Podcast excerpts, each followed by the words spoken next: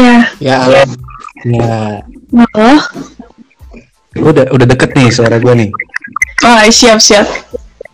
Gue takutnya nanti suara gue ke kayak opening gak ya? Gak usah pakai opening kali ya. Kupe, kupe, lah. Dih.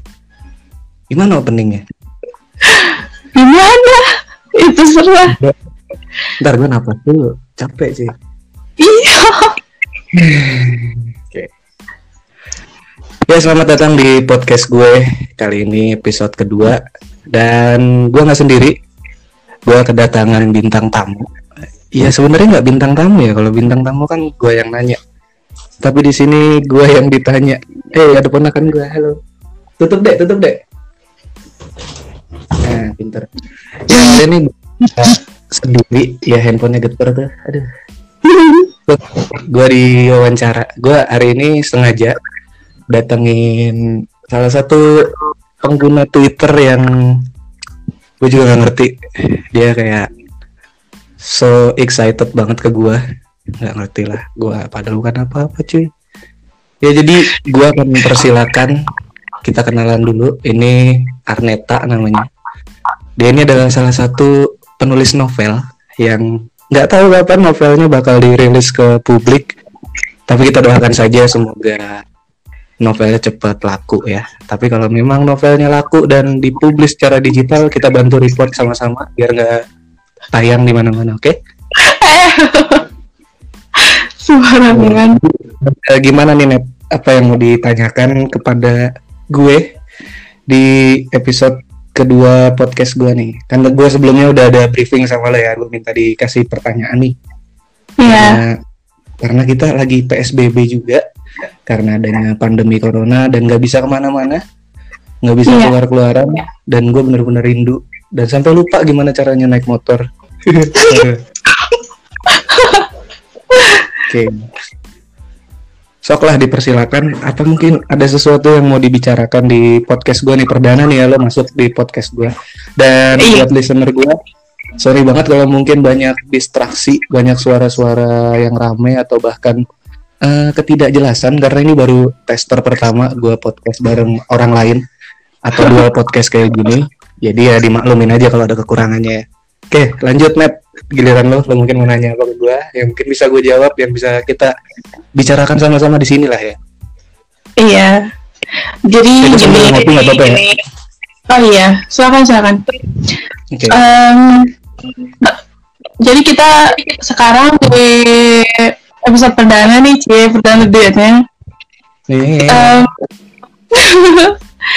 kita bahas tentang wanita aja ya. Aku Iya, sih gua- pengen tahu.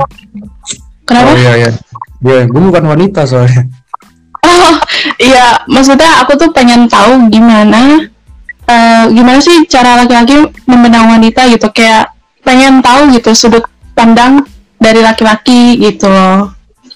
oke boleh boleh boleh masih masih make sense lah ya Iyalah, ya kali. Gak make sense.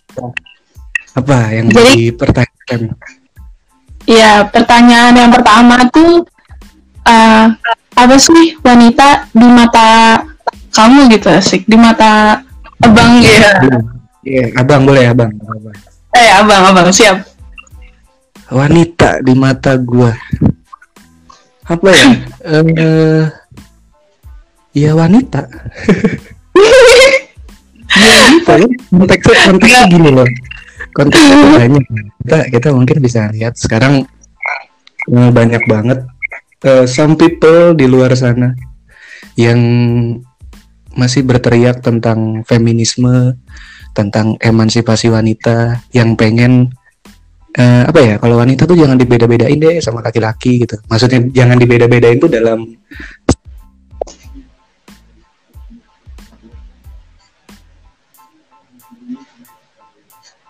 Hmm? Kok sore hilang?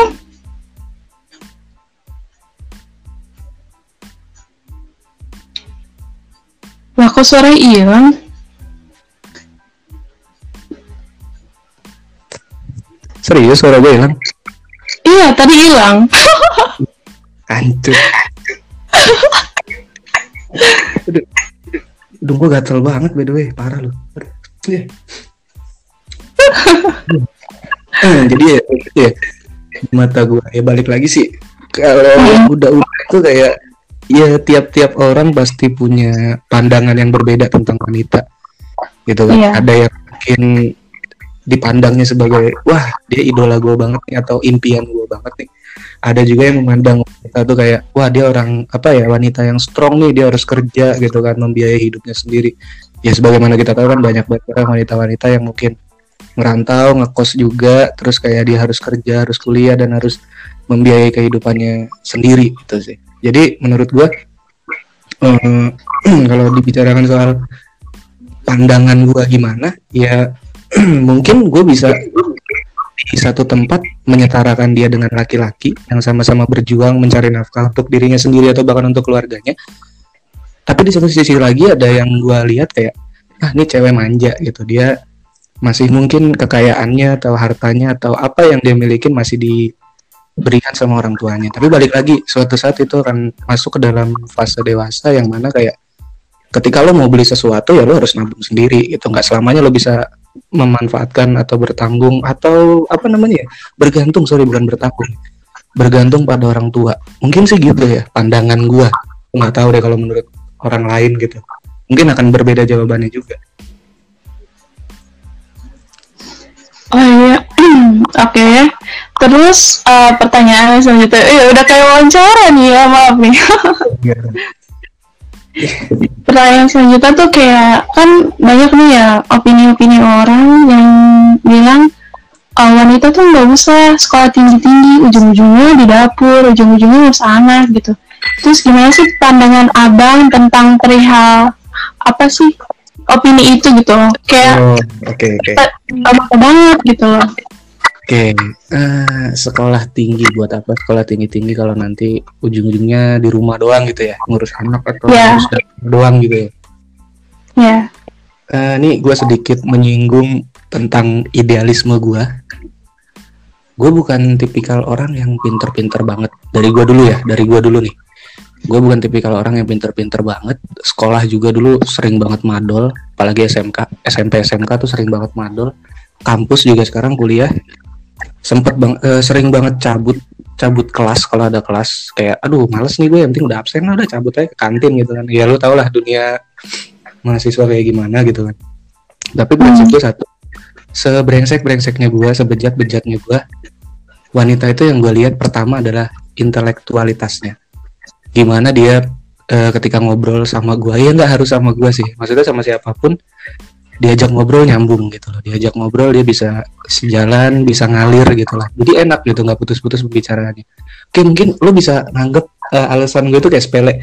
Ya elah cuman buat ngobrol doang. Lo serius? Kalau kayak gitu doang mah bisa kali kita gibah aja gitu. Biar ya nggak gibah gitu. Maksudnya kayak bayangin gitu lo nikah sama wanita yang ya gue nggak bilang dia nggak tahu apa-apa tapi dia nggak mau belajar gitu loh. Karena gini nggak ada orang bodoh di dunia. Orang bodoh di dunia itu nggak ada sebetulnya tapi lebih eh, kepada dia mau belajar atau tidak gitu. Sekarang gini kalau ada seseorang wanita atau laki-laki yang punya problem tapi dia nggak berusaha cari problem solvingnya dia belum cari belum apa belum coba dia udah minta tolong sama orang ya mungkin orang yang dimintain tolong kayak oh ya udah lo gue tolongin aja ya karena lo cantik. Nggak gitu nggak gitu caranya. Di mata lo lo yang para fuckboy mungkin kayak ada cakep nih udah gue tolongin ntar gue gebet bla bla bla. Nggak gitu gue lebih gue lebih appreciate gue lebih respect sama orang-orang. Kalau gue bilang orang-orang berarti laki-laki dan perempuan ya. Gue lebih respect sama orang-orang yang mau cari problem solvingnya dulu sebelum dia bertanya. Kalau gue sih gitu. Jadi kalau perihal mindset eh, atau opini buat apa sekolah tinggi-tinggi untuk wanita ya? Kalau ujung-ujungnya Iya. cuma di dapur atau bahkan ngurus anak doang. Ya menurut gue itu salah. Karena gini eh, wanita itu kalau udah dinikahin dan punya anak nanti dia akan jadi madrasah pertama buat anak-anaknya kan gitu ya. Jadi ya kalau wanitanya nggak tahu apa-apa nggak punya ilmu yang bisa dibagikan ke anak-anaknya ya nanti anaknya mau jadi apa gitu. Sedangkan suaminya mungkin harus kerja atau apa. Memang eh, dalam rumah tangga itu harus dua-duanya saling berkontribusi saling eh, ber, apa ya bersinergi dan punya chemistry satu sama lain buat ngedidik anaknya jadi sesuatu. Tapi nggak selamanya dua-duanya gitu loh. Karena kan yang laki mungkin harus kerja harus gimana ya nggak sih? Kayak gitu sih kalau, betul. kalau pandangan gue sih seperti itu. Next question. Asik. Pertanyaan selanjutnya. Eh, kan makin zaman sekarang tuh makin ya abang tuh sendiri gitu ya. Eh, di dalam hubungan satu hubungan cie udah mulai ke hubungan nih. Jadi kan kalau di zaman sekarang tuh udah banyak banget yang kayak perempuan tuh menyatakan duluan daripada yang laki-lakinya gitu. Terus menurut abang tuh gimana gitu? menurut gue sah-sah aja sih ya sah-sah aja nggak jadi problem. Karena memang pada dasarnya gini kan gue udah sempat VN juga ya di grup ya HTT asik. Lu bisa, menangis lu bisa aduh so sweet banget sih ketika baca sebuah novel atau sebuah cerpen dari seorang pujangga katakanlah Fiersa Bersari atau siapa lah gitu kayak aduh mereka uh banget sih aduh, aduh mereka happy ending banget sih. Ya balik lagi mereka itu berusaha menurunkan egonya satu sama lain jadi menurut gue gini nggak ya, kalau untuk wanita menyatakan duluan itu bukan hal yang salah. Bukan hal yang salah sebetulnya. Karena itu adalah sosok wanita yang menurut gue berani menurunkan egoismenya dan juga menurunkan gengsinya. Kayak gitu. Jadi kalau kalau masih ada wanita yang kayak ah gue cuma gue mau nunggu aja deh gue nggak mau nyatain duluan bla bla bla yang ada nanti malah ditikung yang lain gitu sih kalau menurut gue ya menurut gue sih seperti itu gue nggak mau bilang statement gue bener ya nanti gue dihujat wanita-wanita di luar sana Oke, terus eh, banyak nih ya cowok-cowok tuh bilang kayak wanita tuh makhluknya perasa, jarang banget menggunakan logika gitu. Terus menurut abang tuh benar atau enggak gitu? Atau ada itu, sanggahan? Itu gini gue pernah denger kutipan itu semasa gue SD kalau nggak salah nah pas gue SMP gue punya guru bahasa Indonesia. Gue lupa namanya siapa nggak inget juga gue di, tapi gue inget kalimatnya dia waktu itu kita lagi ngebanyol bareng di pelajarannya dia. Maksudnya lagi ngobrol santai gitu ya. Dan terus dia ngomong gini "E, wanita itu 99% perasaan, satu persen logika, dan laki-laki itu satu satu persen perasaan, 90 eh satu persen Alhamdulillah. Alhamdulillah. Dan laki-laki itu lebih banyak menggunakan logika ketimbang perasaannya. Balik lagi Oh. gini ya, kalau menurut gue itu adalah hal yang betul, hal yang benar. Karena di dalam sebuah relationship eh, yang gue alami juga, kebanyakan cewek itu selalu minta, eh, selalu banyak melempar kode, selalu banyak melempar teka-teki, ya gak sih? Kayak kangen, harus ribut dulu terus ujungnya iya maaf aku cuma kangen. Nggak nggak perlu gitu. Gue lebih senang sama orang yang serius gue lebih senang sama orang-orang yang to the point dalam artian kalau memang lo kangen ya lo bilang kangen gitu. Dan kalau untuk lagi debat atau lagi arguing adu argumen itu yang namanya logika itu emang perlu dipakai. Jadi kita bisa melihat sesuatu yang realistis. Dan gue pun sampai bilang gue nggak suka sama cewek yang terlalu banyak nyimpen quotes quotes di galeri HP-nya dia. Karena lucu gitu mereka bisa tergampar atau tersadar lewat sebuah kalimat-kalimat yang kayak gitu. Tapi ketika mereka punya pasangan dan pasangannya ngasih tahu mereka itu malah kayak dianggap angin lalu aja gitu. Ya itu itu baliknya ke kalau kata gue sih munafik ya. Jadi kayak unik gitu. Lo bisa bisa percaya sesuatu yang lo sendiri nggak tahu gimana penulisnya itu punya perasaan. Contoh gini katakanlah gue sedang sedih gitu ya. Gue sedang sedih gue sedang murung gue sedang galau gue sedang di titik nadir gue atau di titik eh, terendah gue terus gue bikin kutipan tentang kebahagiaan gitu. Teruslah melangkah teruslah bernapas. Kalau nggak melangkah nggak bernapas kamu mati. Kan gitu. Itu kan kasarnya sebuah kutipan yang mungkin ngejokes atau bercanda. Ya lu baca kutipan gue lu mungkin kayak ih lucu banget ini kutipannya ah gue save ah. Sih lu cuma tahu bahagia gue lewat kutipan tapi kan lu nggak tahu apa yang dirasakan sama si penulisnya itu bener nggak Benar-benar.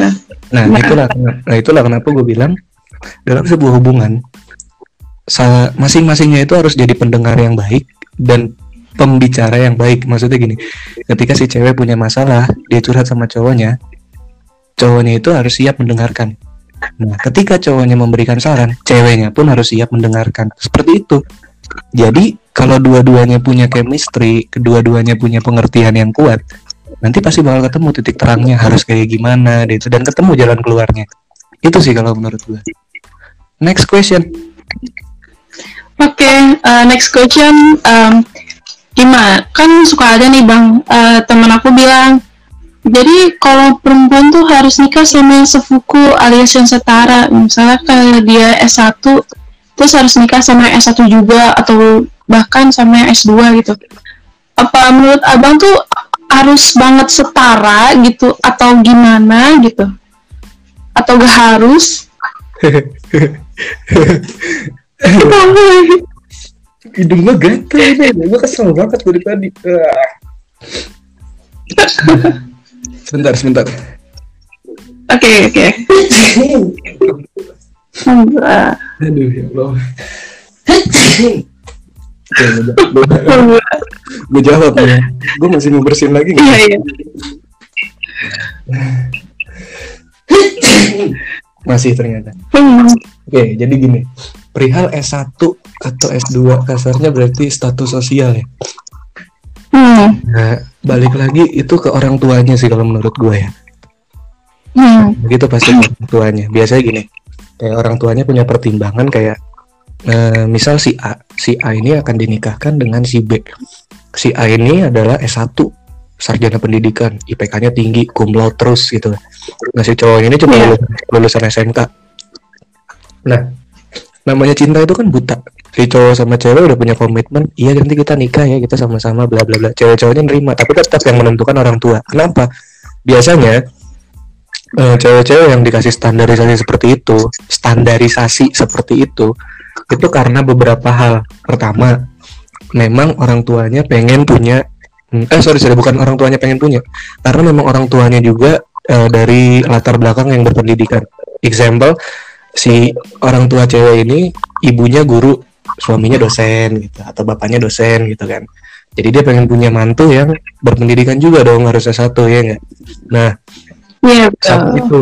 Makanya dimunculkanlah standarisasi seperti itu. Atau yang kedua si cewek ini selama masa kuliahnya atau selama masa pendidikannya itu dibiayain sama orang tuanya. Jadi orang tuanya mikir kayak gini ah anak gua udah gua biayain nih dari SMP SMK gitu kan kuliah. SD nggak dibiayain dong.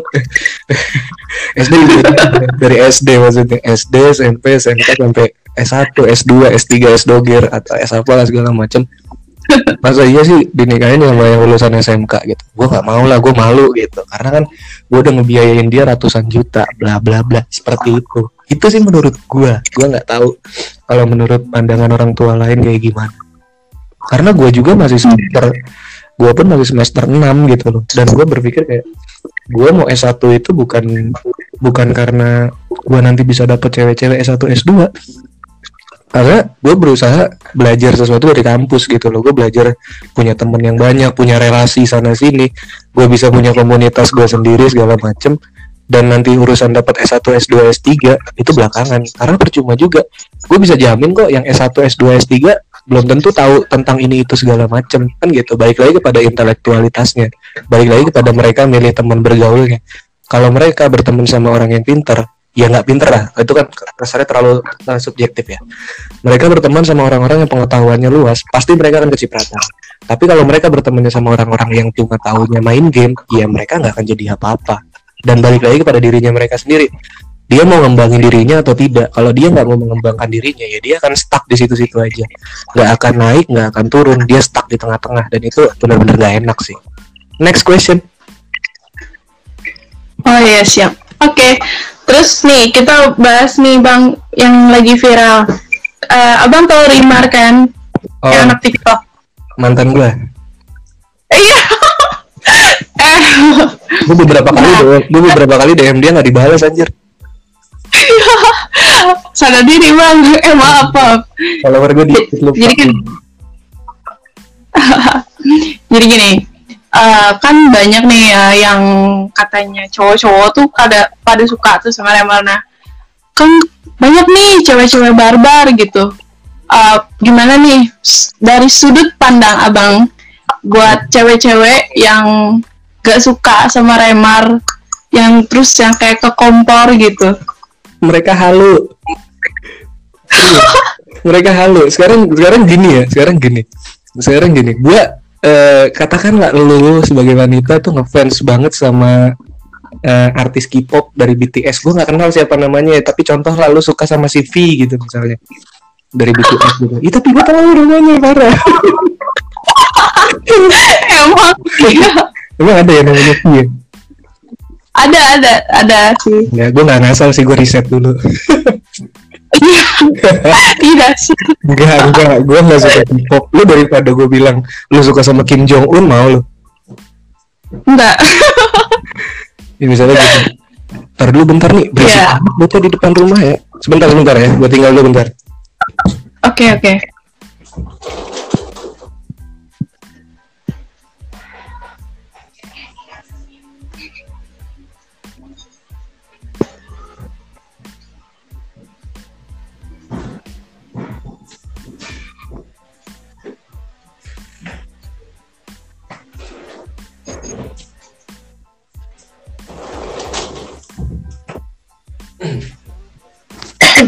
Nih, gue udah, udah, udah ke depan tadi, gue balik lagi.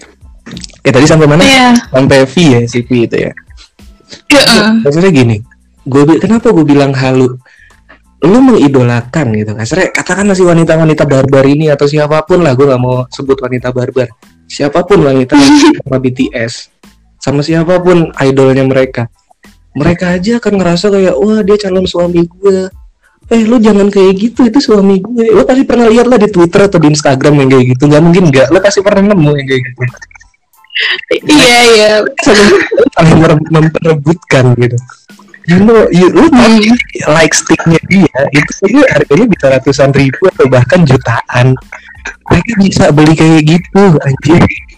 Kalau gue jadi serius kalau gue jadi cewek, gue mending beli tiket pesawat. Gue mau ketemu Remar gitu. Karena kalau kalau cowok yang suka sama Remar, terus nyimpen fotonya, nyimpen videonya, mengeluh-elukan namanya atau apa segala macam. Terus hubungan lu kandas gara-gara kayak gitu. Lu aja yang mempermasalahkan hal yang tidak ada. Toh juga Remar gak peduli seberapa bucin lu sama cewek lu bangsat. Iya gak sih? Iya kan kayak gitu ya. Iya. Lu, lu suka sama TV gitu. Lu pasti akan dicaci, akan dimaki, akan dibully sama cowok-cowok yang gak suka K-pop. Karena lu nongkrong di komunitas anak futsal, lu nongkrong ngomonginnya K-pop di gebok lu yang ada pakai bola. kan kayak gitu, bener gak?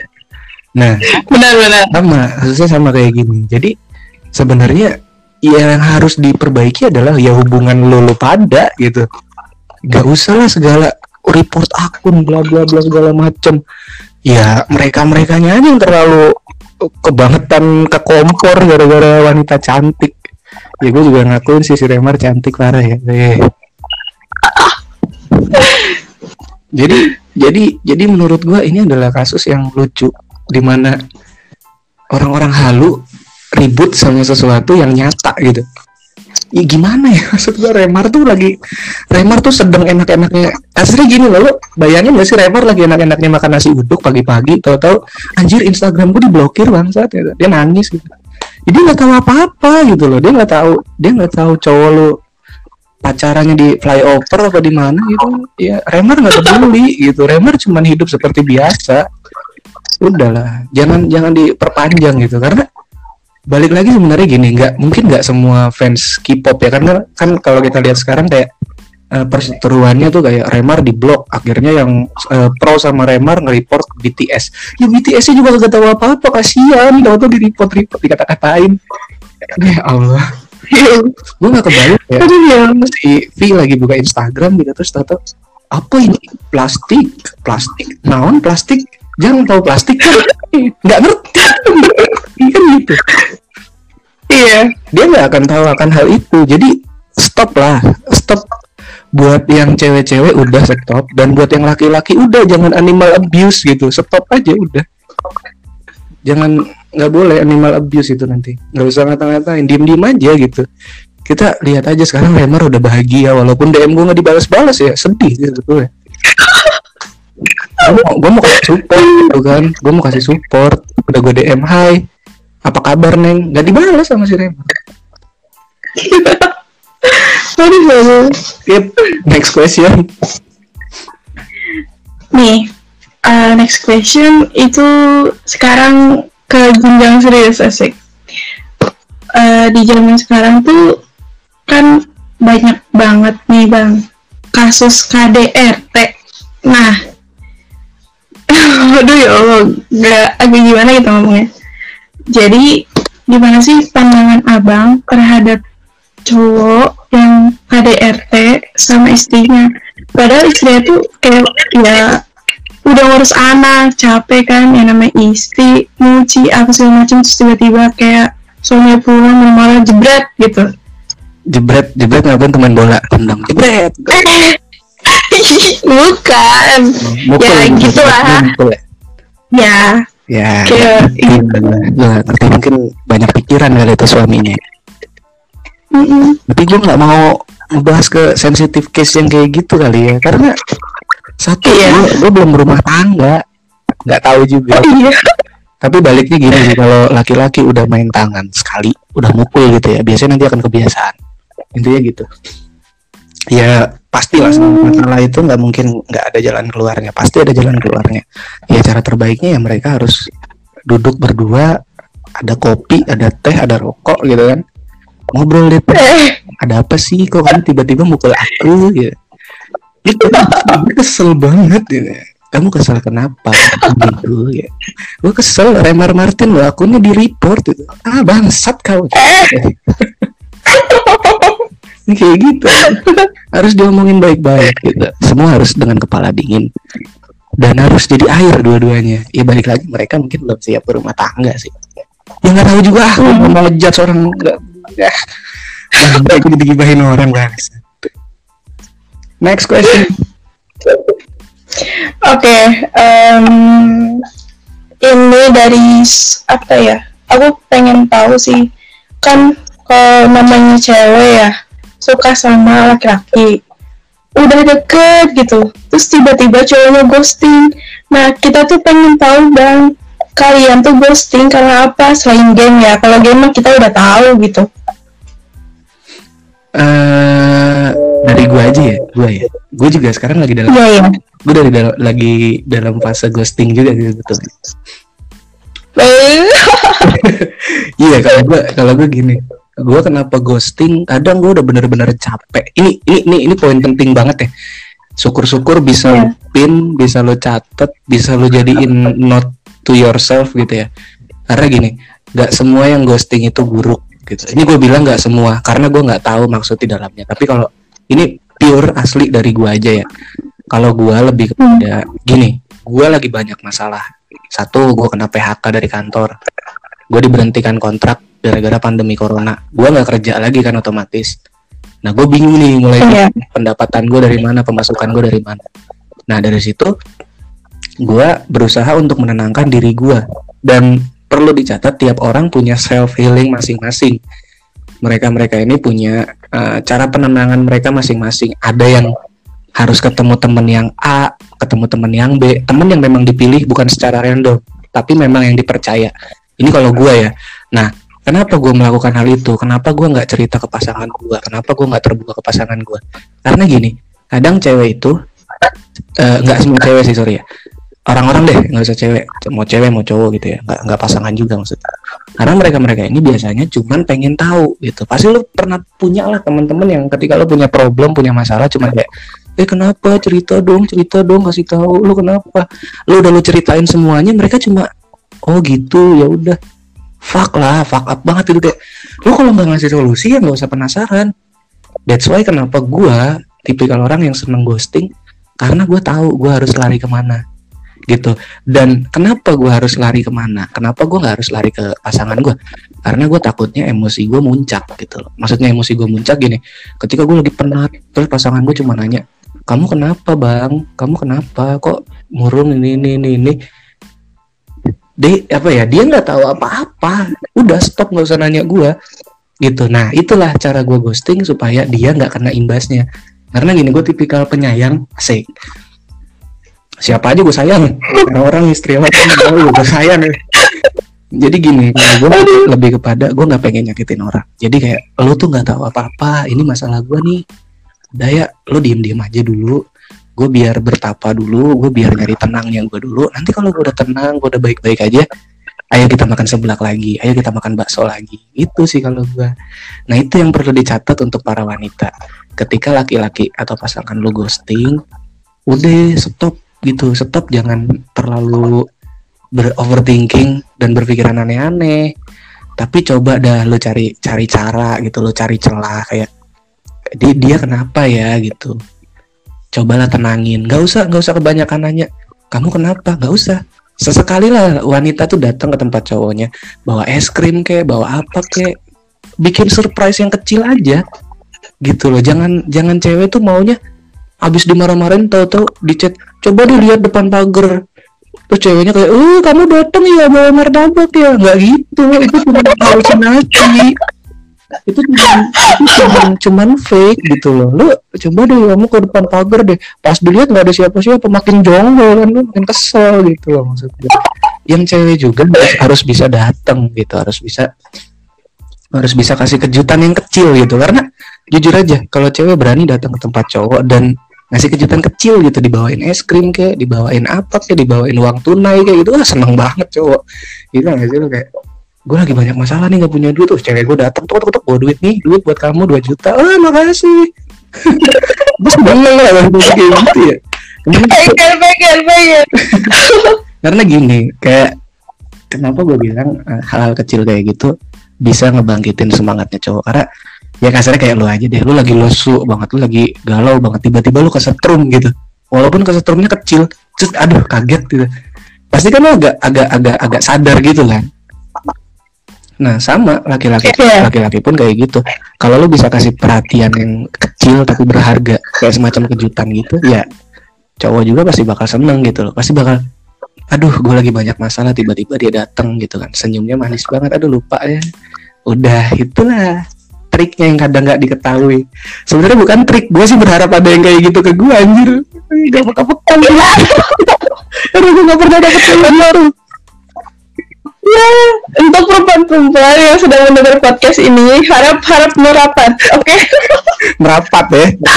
Sapnya diluruskan dan merapat merapat. Iya enggak abangnya butuh abang ya gitu. Gue pernah sakit waktu itu pernah sakit. Dan gue ngechat gue gue ngechat mantan gue. Serius gue ngechat mantan gue. Gue sakit nih. Terus terus terus. gue bilang gitu. Ya udah mau dibawain apa? Gue pulang sore Eh, tolong bawain bubur ya sama susu beruang. Gue bilang bawain sama dia akhirnya ya itulah yang buat gue berteman baik sama mantan. Gitu sih. Yes. sama sekarang sama sekarang. Alhamdulillah. Mohon maaf podcast kita banyak virusnya. Ini gue bersin bersin mulai bangke. Iya banyak aduh aduh. Bentar dulu gue pengen bersin lagi. Hmm. oke next question Oke, em, nih kan tadi abang bilang ya, abang kan suka tuh sama perempuan yang suka bawain gini-gini nih.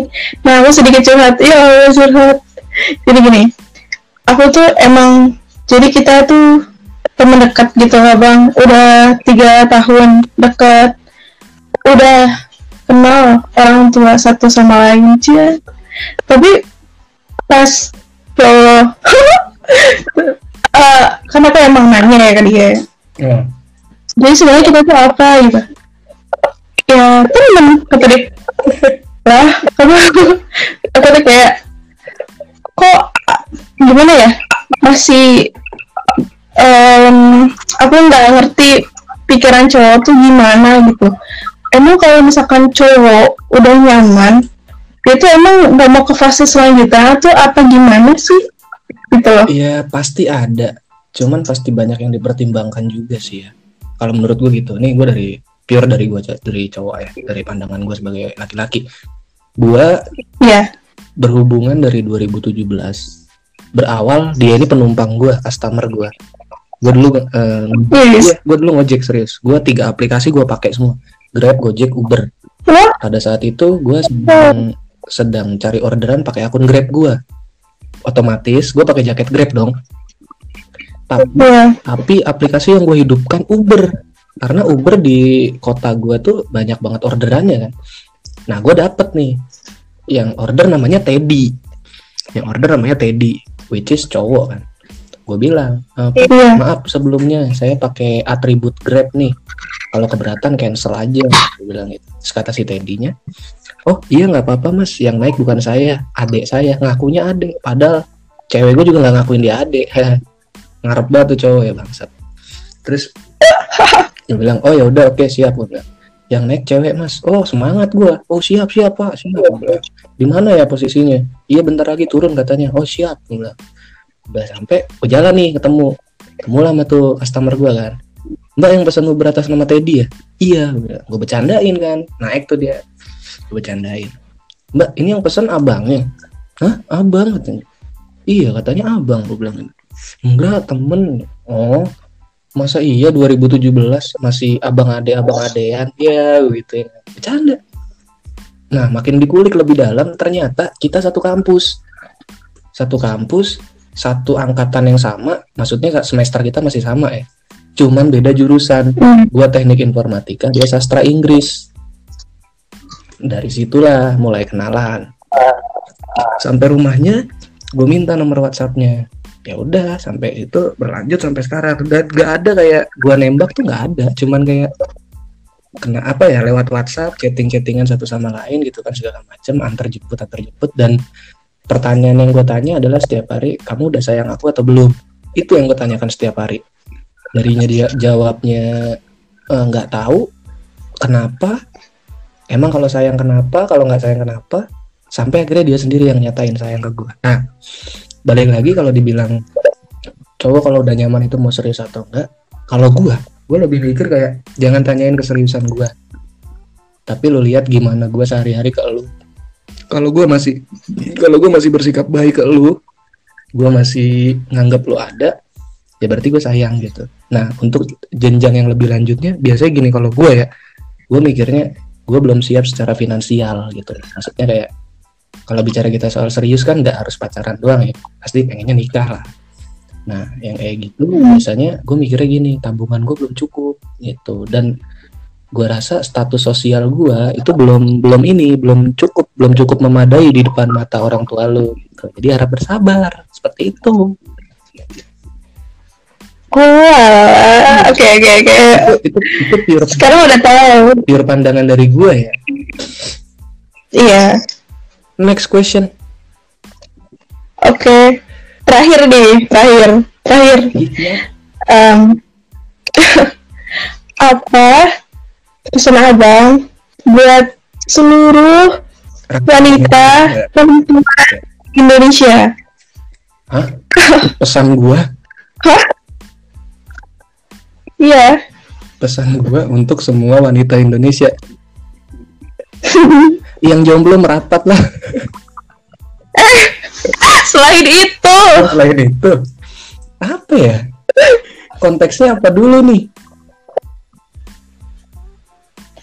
Dari ya s- dari segi dari segi apa ya? segitiga Abang maunya apa? apa ya kalau gua buat yang wanita gua akan berusaha jawab sesingkat mungkin ya biar mereka bisa pada berpikir maksud omongan gua aduh pilek gak enak banget parah aduh yang pertama udahlah jangan terlalu gengsi ya. Deketan bang ngomongnya, Oh, iya. kurang kedengeran. siap siap bentar bentar yang pertama mbak eh, untuk kamu mbak ya mbak siapa pun di luar sana jangan terlalu gengsi. Kalau sayang bilang sayang. Kalau kangen bilang kangen. Jangan ngadi-ngadi jadi orang. Jangan kebanyakan kode. Kita laki-laki manusia biasa bukan peramal bukan dukun. Jadi tolonglah kasih pengertian. Satu itu. Kedua jangan egois ya. Gitu. Kalau lo udah sayang sama laki-laki laki-lakinya juga udah sayang sama lo lo kan juga udah gede udah bisa mikir. Kalau cowok lo ngasih tahu ya dipikirkan dimasukin ke kuping ditelaah lagi diproses lagi biar lo paham maksud apa yang diomongin sama laki-laki lo even itu baik atau buruk kalau baik lo simpen kalau buruk lo buang atau lo sanggah aja nggak apa-apa. Terus yang ketiga jangan hedon jangan boros. Tolong ya jangan jajannya yang aneh-aneh. Gue capek punya duit. Guanya lapar lu ngajaknya beli seblak ngajaknya beli otak-otak beli cimol beli apa namanya beli cilok. Mending makan di warteg enak cuy. Serius deh. Tolong ya jangan aneh-aneh gitu jajanannya. Kenyang enggak sengsara gue nih. Terus yang selanjutnya tolong ya kalian di rumah latihan bikin kopi. Karena gue pribadi kalau nanya cewek itu soalnya gue tanya lu bisa bikin kopi enggak? Ya Allah. serius yang gue tanya selalu gitu. Terus selanjutnya kalau lu udah nemenin laki-laki lu dari nol ketika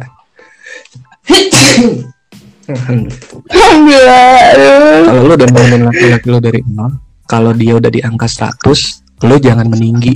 Itu tetap temenin dia. Dan kalau laki-laki lu dari 100 jatuh lagi ke nol jangan tinggalin dia. Terus apa lagi ya?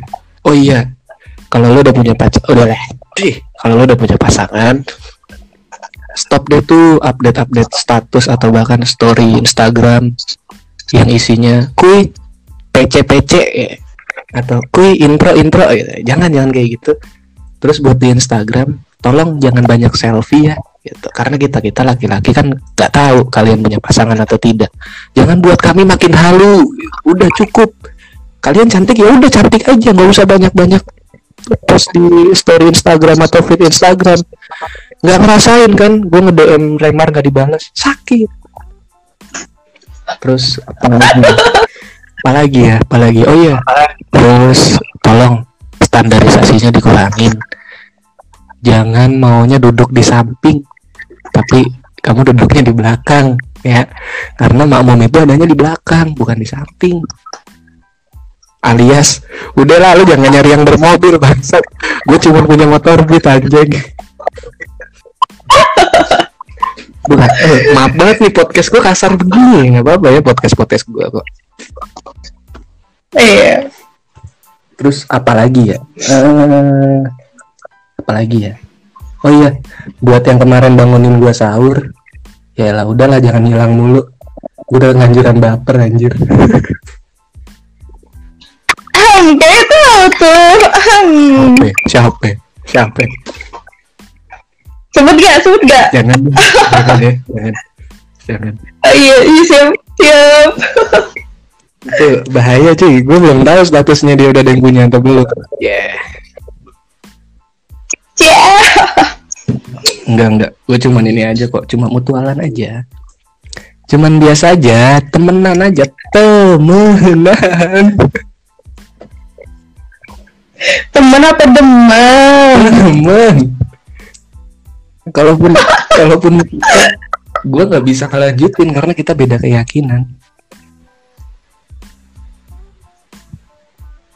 Suaranya hilang. Suaranya hilang. Iya, kalau kalau dilanjut pun kita beda keyakinan sebetulnya. Oh. Iya, guanya yakin, dianya enggak. Iya. Ram, temboknya terlalu tinggi. Susah, susah, sulit, sulit. Lu nggak kena ya? Aduh, jokes gue ketinggian bangke. Tapi bercanda lu nggak receh kayak gue dong. Aduh. Dah, itu aja. Iya. Ntar kan next episode ada lagi. Wah, gue Iya kan? next episode kayaknya sama orang random lagi nih. Oh iya, boleh lah, boleh. Tapi mungkin kayak boleh kali kita tambah satu dua orang lagi gitu biar rame podcast gue biar kayak biar kayak podcast beneran gitu. boleh kok, boleh. Tapi ya siapa yang mau ya? Ada sih tadi aku udah ngajak teman. Dia mau, dia mau. Dia mau konsultasi apa? Anjay konsultasi dong, gue kayak apaan tahu kan. Guru BK kali ya. gue lagi di interview nih ntar gue di ending gue nanya gimana mbak saya diterima kerja atau enggak gitu. Iya. udah. Berarti udah nih pertanyaannya udah habis nih. Iya. Nah, ini udah 44 menit mau jalan 45 menit. Oke mungkin sampai sini Iya. aja nih podcast gue episode kedua. Gue bareng sama si Neta. Eh, salah satu novelis yang kalau gue belum tahu novelnya apa tapi katanya sih dia mau ngangkat kisah hidup seseorang yang ya kita doakan saja semoga novelnya benar-benar jadi dan tayang dan bisa dibeli di toko buku toko buku terdekat gitu ya tapi Amin. Kedua satu, kalau misalnya novel lu terkenal dan lu masuk TV, ya lu ajak lah narasumbernya. Masa iya lu doang yang terkenal? Gue yakin pasti, gue yakin pasti narasumbernya mau dong. Mau Ay, siap. Ya hitung-hitung pasti eh, harapan si narasumber, ya gue biar punya follower banyak gitu. Ah, Iya, iya, iya. Oke, jadi kapan nih kira-kira novelnya mau digarap lu? Ya, nunggu PSBB kelar dulu kan narasumbernya jauh, Bang. Oh iya, PSBB ya. Tapi udah ada udah ada judul ya. Hmm. Dengar-dengar katanya udah ada judul ya. Apa belum ada?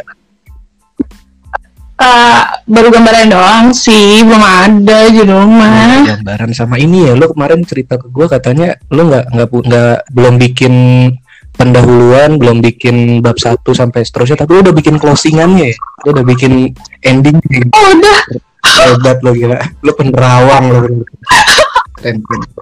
Oke guys. Oke guys. Anjir gue kayak di YouTube dong oke mungkin segini aja dulu nih ya podcast gue nih. Nih menurut ini podcast gue paling panjang sih nanti bakal gue share ke grup juga biar nanti anak-anak yang lain bisa tahu tentang podcast ini dan Hmm. mau gue invite untuk ya seenggaknya ngebantu gue lebih produktif lah selama masa WFH kayak gini Hmm. dan pesan gue buat kalian-kalian yang denger podcast gue udahlah stop main-main udahlah stop keluar-keluaran kalau emang gak penting-penting banget udah di rumah aja kita sama-sama menjaga apa ya namanya ya kok menjaga sih anjir membantu lah membantu tenaga medis supaya memutus penyebaran virus corona alias covid-19 ini oke see you thank you Neta sampai Ya. ketemu di podcast berikutnya Ya, sama. thank you Saya juga, Bang. dan